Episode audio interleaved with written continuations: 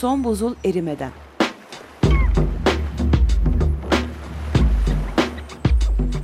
Küresel iklim değişikliğinin bilimsel gerçekleri üzerine.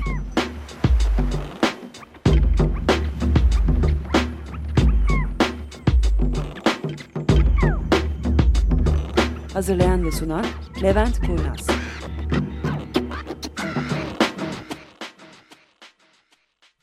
Merhabalar, hoş geldiniz. Ee, bugün tufan yok ee, Avusturya'da. Ne oluyor? EGU, European Geophysical Union, Avrupa Jeofizik Dern e, Birliği'nin toplantısında bir konuşma yapmak üzere görevli. Onun için ben kendi başıma program yapmak zorunda kalıyorum bugün. Ve e, bir haber daha bu son, son buzul erimeden oluyor. Ee, bundan sonra hani programın sonunda konuşacağız neler yapacağımızı. Dolayısıyla bir iklim değişikliğine genel bir bakış şeklinde bir program dizayn etmeye çabaladım ben. Doğru bildiklerimiz, yanlış bildiklerimiz nereden kaynaklanıyor? Kısaca şunları bir üstünden geçelim de aklınızda kaldığı kadarıyla hayata devam edebilelim hep birlikte. Ee, birincisi iklim değişikliği nereden kaynaklanır? İklim değişikliği artık hani üstünde çok fazla konuşmamıza gerek yok. Kaynaklandığı bir tek temel yer var. Bu da bizim yaktığımız e, fosil yakıtlar. Fosil yakıtlardan da kastımız e, kömür, petrol ve doğalgaz. İklim değişikliğinin çok büyük bir kısmı, çok büyük bir kısmından da kastettiğimiz en az %70, %75 kadarı bu üç tane gazın yanmasından oluşur. Kömür, e, üç tane maddenin yanmasından oluşur. Kömür, petrol, doğalgaz. Bunun dışında e, aşırı gübre kullanımı kısmen e, iklim değişikliğine yol açıyor. Ve e, yer altından sızan metan gazı iklim değişikliğine sebep oluyor. Esas olayımız bu. Bunu unutmamak gerekiyor. Şimdi bunun dışında ne sebep olmuyor? Mesela deodorant kullanmak iklim değişikliğine sebep olmuyor. Bunu bilmemiz gerekiyor. Ee, oluyor olmuyor. Şöyle anlatalım onu. Şimdi siz diyorsunuz ki deodorant kullanmak ozon tabakasına zarar verir. Ozon tabakasına zarar vermek de iklim değişikliğine sebep olur. Bu yanlış. Deodorantların içinde eski zamanda, eski zamandan da kastımız 1970'lerde, 60'larda hatta belki 80'lerde e, kloroflorokarbon denen e, CFC bir e, kimyasal madde vardı. Bu kimyasal madde ozon tabakasına zarar verir. Ozon tabakası bizi güneşin zararlı ışınlarından korur. Yani güneşten gelen mor ötesi ışınlardan korur. Güneşten gelen mor ötesi ışınlardan korunmayacak olursa bu ışınlar dünyaya ulaşır ve e, bu sebepten kanser, cilt özellikle cilt kanseri vakaları artar. Ozon tabakasının azalması cilt, cilt kanseri ve genelde kanser vakalarının artmasına sebep olabilir. Ama iklim değişikliğiyle bu bağlamda bir alakası yoktur. Yani deodorant kullanmanın ozon ve dolayısıyla da iklim değişikliğiyle fazla bir alakası yoktur.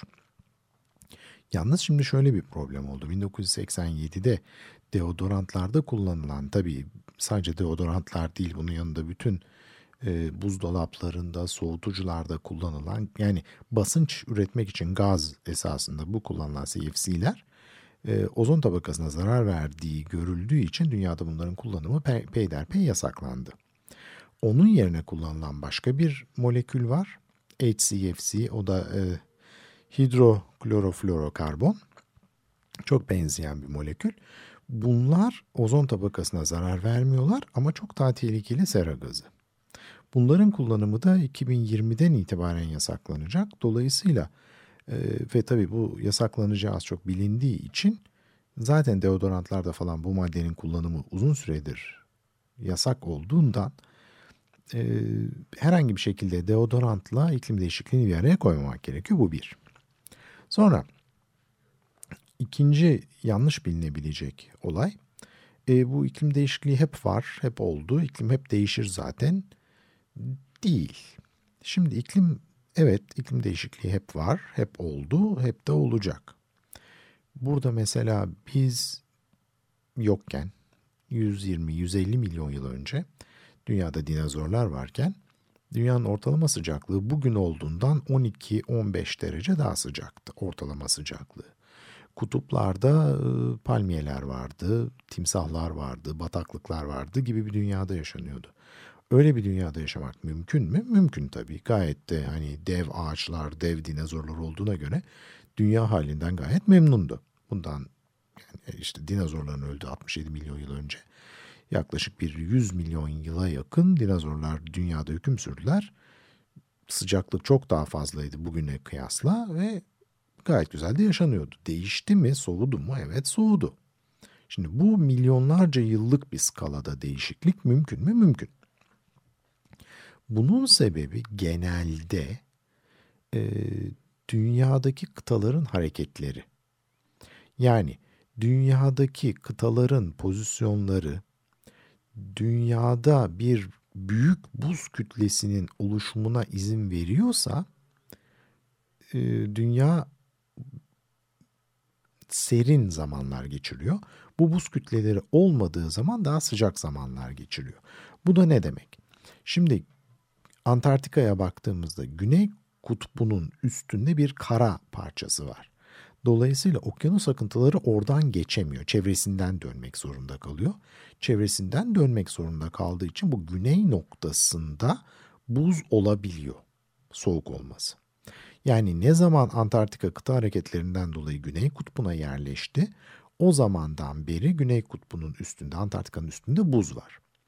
Aynı şekilde ne zaman kuzeyde Amerika yavaş yavaş Asya'ya yaklaşıp Bering Boğazı dediğimiz Rusya ile Amerika'nın arasındaki boğaz çok daraldı. Okyanus akıntıları kesildiğinden dolayı Kuzey Kutbu'nda da buz olmaya başladı. Bu geçtiğimiz yaklaşık 5 milyon yıldır böyle. Şimdi dolayısıyla bu tür değişikliklerin olabilmesi için kıta hareketleri gerekiyor. Yani bu kıta hareketleri de bizim depremlerde gördüğümüz işte 10 santim gitti, 3 metre gitti değil kilometrelerce bu kıtaların hareket edip e, bir şekilde buz olmayan bir dönemden buz olan bir döneme ya da buz olan bir dönemden olmayan bir döneme geçişi sağlaması gerekiyor. Yani şu anda dünyanın e, kıta hareketlerinden dolayı ısınabilmesi için Amerika'nın e, Rusya'dan ya da yani Asya'nın en doğu köşesinin Amerika'nın en batı köşesinden e, bir 100 kilometre uzaklaşması gerekiyor. Bu uzaklaşmada hani önümüzdeki birkaç milyon, epey milyon, 10, 15, 20 belki 50 milyon yıl e, boyunca olacak bir olay değil. Benzer şekilde Antarktika'nın da Güney Kutbu'ndan uzaklaşması gerekiyor. Bu da 100 milyon yıl skalasında çok olası görünmüyor. Dolayısıyla böyle büyük iklim değişikliklerinin olmasına imkan yok zaman içerisinde. İkinci olay biliyorsunuz buzul çağları yaşıyoruz. Bu buzul çağları periyodik olarak her 100 bin senede bir buzul çağı geliyor ve yaklaşık 80 bin sene sürüyor. Ondan sonra tekrar ılıman bir döneme geliniyor. 20 bin seneye yakın ılıman dönem sürüyor. Ondan sonra tekrar buzul çağına giriliyor. Şimdi biz en son yaklaşık 18 bin sene önce buzul çağından çıktık. Şu anda ılıman dönemdeyiz ve 18 bin senedir ılıman dönemdeyiz. Yani havanın daha da ısınması için bir sebep yok. Hatta tam tersi önümüzdeki birkaç bin sene içerisinde dünyanın bir buzul çağına doğru gidiyor olması daha makul bir e, beklenti olur. Dolayısıyla bugün yaşamakta olduğumuz iklim değişikliğini yani kısacası küresel ısınmayı anlatabilecek bilimsel bir olay insan kaynaklı olması dışında yok. Yani bu kıta hareketlerinden olmuyor. Ha bu arada bu buzul çağı 100 bin sene dediğimiz dünyanın güneş etrafındaki hareketinden kaynaklanıyor. Bazen biraz daha eliptik oluyor dünyanın yörüngesi, bazen biraz daha yuvarlığa yakın oluyor. Yuvarlığa yakın olduğunda ılıman dönemler geçiriyoruz, eliptik olduğunda buzul çağı geçiriyoruz gibi basitçe anlatmamız gerekirse. Dolayısıyla hani böyle bir sebep de yok bu buzul çağının pardon e, küresel ısınmanın oluşuyor olması için. E, dediğim gibi bir kez daha tekrarlamamız gerekirse buzul çağının şey küresel ısınmanın varlığının arkasındaki tek sebep bizim açımızdan insanların doğaya yaydıkları e, karbondioksit gazından oluşuyor çoğu bunların. E, karbondioksit gazı da e, dediğimiz gibi doğal gaz, kömür ve petrolün yanmasından oluşan bir gaz. Ve başka bir sebebi yok. Yani yaktığımız, yaptığımız herhangi bir şeyi iklim değişikliğine bağlamayın. Gayet basit. Kömür, petrol, doğalgaz. Şimdi yalnız kömür, petrol ve doğalgazı sadece kendi yanma yani sizin evde yaktığınız olarak düşünmeyin. Burada pek çok kimyasal proses sonucunda da atmosfere karbondioksit çıkabiliyor. Yani övündüğümüz e, çimento fabrikaları çok ciddi karbondioksit yayıyorlar atmosfere. Bunu da unutmamak gerekiyor. Ondan sonra e, e, güneşten kaynaklanıyor. Güneşteki değişiklikler iklim değişikliğine sebep oluyor. Evet güneşteki değişiklikler iklim değişikliğine sebep olabilir. Güneşte ta Galile zamanından 1609'dan itibaren güneşteki lekeleri ölçüyoruz, güneş lekelerini. Güneş lekeleri ne kadar artacak olursa dünyanın ortalama sıcaklığı o kadar artıyor. Güneş lekeleri ne kadar azalacak olursa dünyanın ortalama sıcaklığı o kadar azalıyor. Şimdi o zaman tabii doğal olarak e bak işte güneş lekelerinden oluyormuş demeniz normal. Yalnız şöyle bir problem var. Güneş lekeleri son 100-150 senede olduğu en düşük noktada şu anda. Yani ne kadar çok güneş lekesi o kadar fazla küresel ısınma. Ama şu anda en az seviyede olduğumuza göre küresel ısınma diye bir şeyin kalmamış olması ya da o yani herhangi bir ısınmayı hissetmiyor olmamız gerekiyor. Buna karşılık 2014 yılı tarihte ölçtüğümüz en sıcak yıl oldu. Yani dolayısıyla güneş lekeleri azalmasına rağmen sıcaklıklar artmaya devam ediyor. Bu da sebebinin güneş lekesi olmadığını gösteriyor bu işin. Sonra ortada çok dolaşan iklimle ilgili mitlerden bir tanesi bilim adamları arasında bu konuda bir anlaşma yok. Bilim adamları kolay kolay anlaşamıyorlar bu konuda. Şimdi öncelikle hangi konuda anlaşamadığımızı bir önümüze koyup bakmak gerekiyor. Ve anlaşamayanların kimler olduğuna ve anlaşmama sebeplerinin ne olduğuna. Burada bir tane temel nokta var. Benim bu konudaki bilim insanı olarak kabul ettiğim kişiler aktif olarak iklim değişikliği konusunda bilim üreten kişiler. Şimdi aktif olarak bilim e, üreten kişilere baktığımızda bunların yüzde 97'si iklim değişikliği insan kaynaklıdır diyor. Şimdi burada lafa dikkatinizi çekmek istiyorum. İklim değişikliği vardır yoktur değil. İklim değişikliği olduğunda herkes hemfikir. Yalnız yüzde 97'si bunun iklim değişikliğinin insan kaynaklı olduğunu söylüyor. Yani e, iklim değişikliği insan kaynaklı olmayabilir diyenlerin sayısı yüzde üç. Ve bu yüzde üç yani iklim değişikliği insan kaynaklı olmayabilir diyenler bile iklim değişikliğinin varlığını kabul ediyorlar. Yani onlar başka doğal sebeplerden bu iş oluyor olabilir. Bu insan kaynaklı olmak zorunda değil diyen yüzde üç var. Şimdi bunu ben e, derste falan anlatırken genelde şu örneği veriyorum. Mesela 5. E, katta ders yapıyoruz. 100 tane bilim insanı var. Ve bunlar diyorlar ki asansöre binerseniz 5. E, kattan aşağıya inmeme olasılığınız %97. Yani asansörün başına bir şey gelir düşersiniz aşağıya. %3'te diyor ki yok yok yok hiçbir problem yok. Şimdi siz o %3'e inanarak asansöre biner misiniz? Bütün ana problemimiz bu ya da bu örneği herhangi ne tarafta kullanırsanız isterseniz iklim değişikliğinde kullanın, isterseniz asansöre binmekte, uçağa binmekte, herhangi bir ilacı içmekte yani mesela e, diyelim bir grip ilacı alıyorsunuz. Grip ilacının üstünde diyor ki %97 ihtimalle öleceksiniz bu ilacı içerseniz. %3 e, ihtimalle de hastalığınız geçecek. E, grip ilacını içer misiniz %3 ihtimalle? Dolayısıyla bilim insanlarının %97'si kalkıp insan kaynaklı bu iş ve iklim değişikliği gerçekliyorsa dinlemekte fayda olduğunu düşünüyorum. Bir araya gidebilir miyiz? The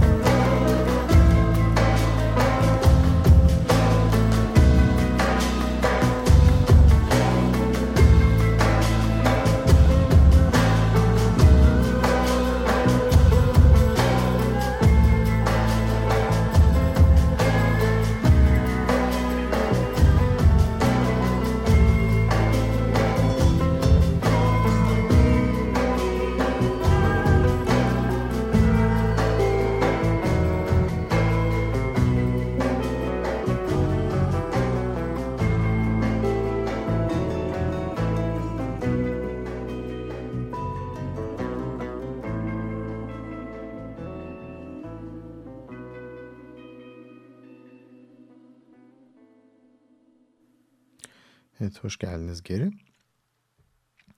Ee, önce bilim insanları arasında bu konuda bir anlaşmazlık var. Bilim insanları inanmıyor bu işe tamamen noktasında anlaşmazlığın ne boyutta olduğunu gösterdik. Yani bir, e, iklim değişikliği yok diye bir şey yok. Bilim insanları iklim değişikliğinin olduğunda yüzde yüz hemfikirler.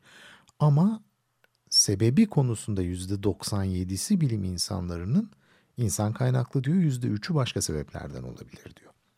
Burada da kararı size bırakıyorum. O yüzde üçle devam eder misiniz bu işte diye. Sonra e, şey deniyor. E, hayvanlarla bitkiler iklim değişikliği olsa da buna adapte olabilirler. Herhangi bir sorun yok. Bunda da şöyle bir şey söylemek gerekiyor. İnsanlık tarihinde, insanlık tarihinde demeyeyim pardon, dünya tarihinde geçtiğimiz 250 milyon yıl içerisinde yani hayatın canlandığı, e, çiçek açtığı diyelim 250 milyon yıl içerisinde 5 tane büyük yok olma olayı olmuş. Bunların hepsinin çeşitli sebepleri var. İşte en sonuncusunu biliyorsunuz konuştuğumuz daha önce dinozorları yok eden bir göktaşı var. Ee, sadece göktaşı değil başka faktörler de var ama yani esas e, tetikleyen bu yok oluşu göktaşı. Onun gibi beş tane olay olmuş ve bunlarda ortalama olarak dünyadaki canlı türlerinin %50'si, 60'ı, 70'i, 80'i, 90'ı yok olmuş. Yani en az %50'sinin yok olduğu 5 tane olay var bütün canlı türlerinin. Şu anda canlı türlerinin yok oluşu yaklaşık olarak %30 civarında. Yani geçtiğimiz 150 senede dünyadaki canlı türlerinin yaklaşık %30'u yok oldu. Tabii bu diğer 5 tane büyük yok oluşla kıyaslanamaz bu. Mesela dinozorları yok eden e, meteorun çarpmasıyla %60'a yakın bir canlı türlerinde azalma oldu. Biz onun yarısındayız. Ama şunu unutmayın ya koca meteor çarptı ve %60'ı. Şimdi biz meteor çarpmasının neredeyse yarısı seviyesinde bir zarar veriyoruz çevremize ve iklime. Dolayısıyla da e, canlılar, hayvanlar, bitkiler bu kadar rahat rahat kendilerini toparlayıp adapte olamazlar. Buradaki temel faktör şu, şunu unutmayın. Mesela ben arada dalga geçiyorum. Orman ne hızda hareket eder diyorum. Ya orman hareket eder mi diyorlar. Evet ormanlar hareket edebiliyorlar. Ormanların hareket etme hızları 20 ila 100 metre arasında değişebiliyor senede. Biraz daha 20'ye yakın çoğu orman için. Dolayısıyla ormanların yaşayabildikleri sıcaklık bölgeleri 20 metreden daha fazla hızlı bir şekilde kuzeye doğru gidiyorsa ormanlar yok oluyorlar. Dolayısıyla eski zamanda yani dinozorların zamanında niye böyle bir problem olmadı da ormanlar yaşadı? E, esasında basit. Çünkü ormanlar milyonlarca yıllık bir zaman içerisinde diyelim bugünden 15 derece daha sıcaktan bugünün sıcaklığına indi. O zaman da sıcaklık e, çizgileri yaklaşık olarak senede birkaç santim kuzeye güneye hareket edebiliyordu. Yalnız şu anda bu sıcaklık çizgileri 150, 200, 300 metre hareket ediyor. Sıcaklık çizgilerinden de kastım şu. Mesela e, ortalama sıcaklıklar 20 derecenin üstünde olmasın bir bölgede deniyorsa bir ormanın sağ kalması için bu 20 yavaş yavaş kuzeye doğru gidiyor. Yani bugün burasıysa e, bir sonraki sene 200 metre yukarıdaki bir yer 20 derece oluyor. Sonra bir 200 metre daha yukarıdaki bu çizgilerin hareketinden bahsediyoruz. Bu o kadar hızlı oluyor ki ne hayvanlar ne bitkiler buna artık kendi başlarına dayanamıyorlar. Bir de tabii insanların bunun üstüne yaptığı etkiyi koyacak olursak evet, ciddi bir problem olabiliyor. Ondan sonra şeyi duyuyorsunuz e, arada. Antarktika'daki buz miktarı çok korkunç arttı. Kuzeydeki eriyor olsa da Antarktika'daki buz miktarı artıyor. Şimdi e, Antarktika'ya baktığımız zaman Antarktika biliyorsunuz kocaman bir kıta. Karanın üstündeki buz miktarı azalıyor. Ama denizin üstündeki buz miktarı artıyor. Bunun da gayet temel bir sebebi var. Şimdi deniz kendi başına en fazla biliyorsunuz 4 derece yaklaşık olarak. Daha 4 dereceden daha soğuk bir deniz yok. Ama buz eriyip bu eriyen sular denize geldiğinde o 0 derece. Yani dolayısıyla Antarktika'nın çevresindeki suyun sıcaklığını çok ciddi olarak soğuk tutabiliyor eriyen Antarktika. Dolayısıyla hava azıcık soğuduğunda bu soğuk tutulan bölgenin buz tutması sağlanabiliyor denizin üstündeki buz. Bu şekilde de çeşitli argümanlarla e, iklim değişikliğinin olmadığına ya da insanların iklim değişikliğinin sebebi olmadığına kandırılabiliyorsunuz. Şimdi vaktimizin sonuna geliyoruz. Ee, sizlere ben veda etmek istiyorum. Üç dönemdir e, geri dönüp son buzul erimeden programını yapıyorduk. Bu son programımız oldu. Bundan sonra e, bizim kendi web sitemizden, İklim Bu web sitesinden podcast olarak programa devam edeceğiz biz e, sanıyorum gelecek haftadan itibaren. Eğer arzu ederseniz oradan programları tekrar dinlemeye devam edebilirsiniz. Yalnız artık açık radyoda olamıyoruz. E, hepinizle başka bir mecrada görüşmek üzere diyorum. İyi günler.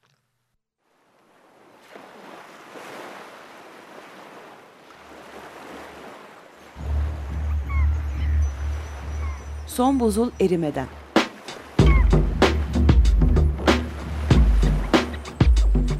Küresel iklim değişikliğinin bilimsel gerçekleri üzerine.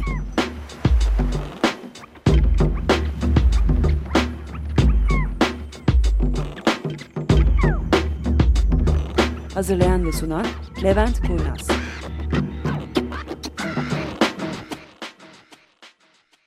Açık Radyo program destekçisi olun.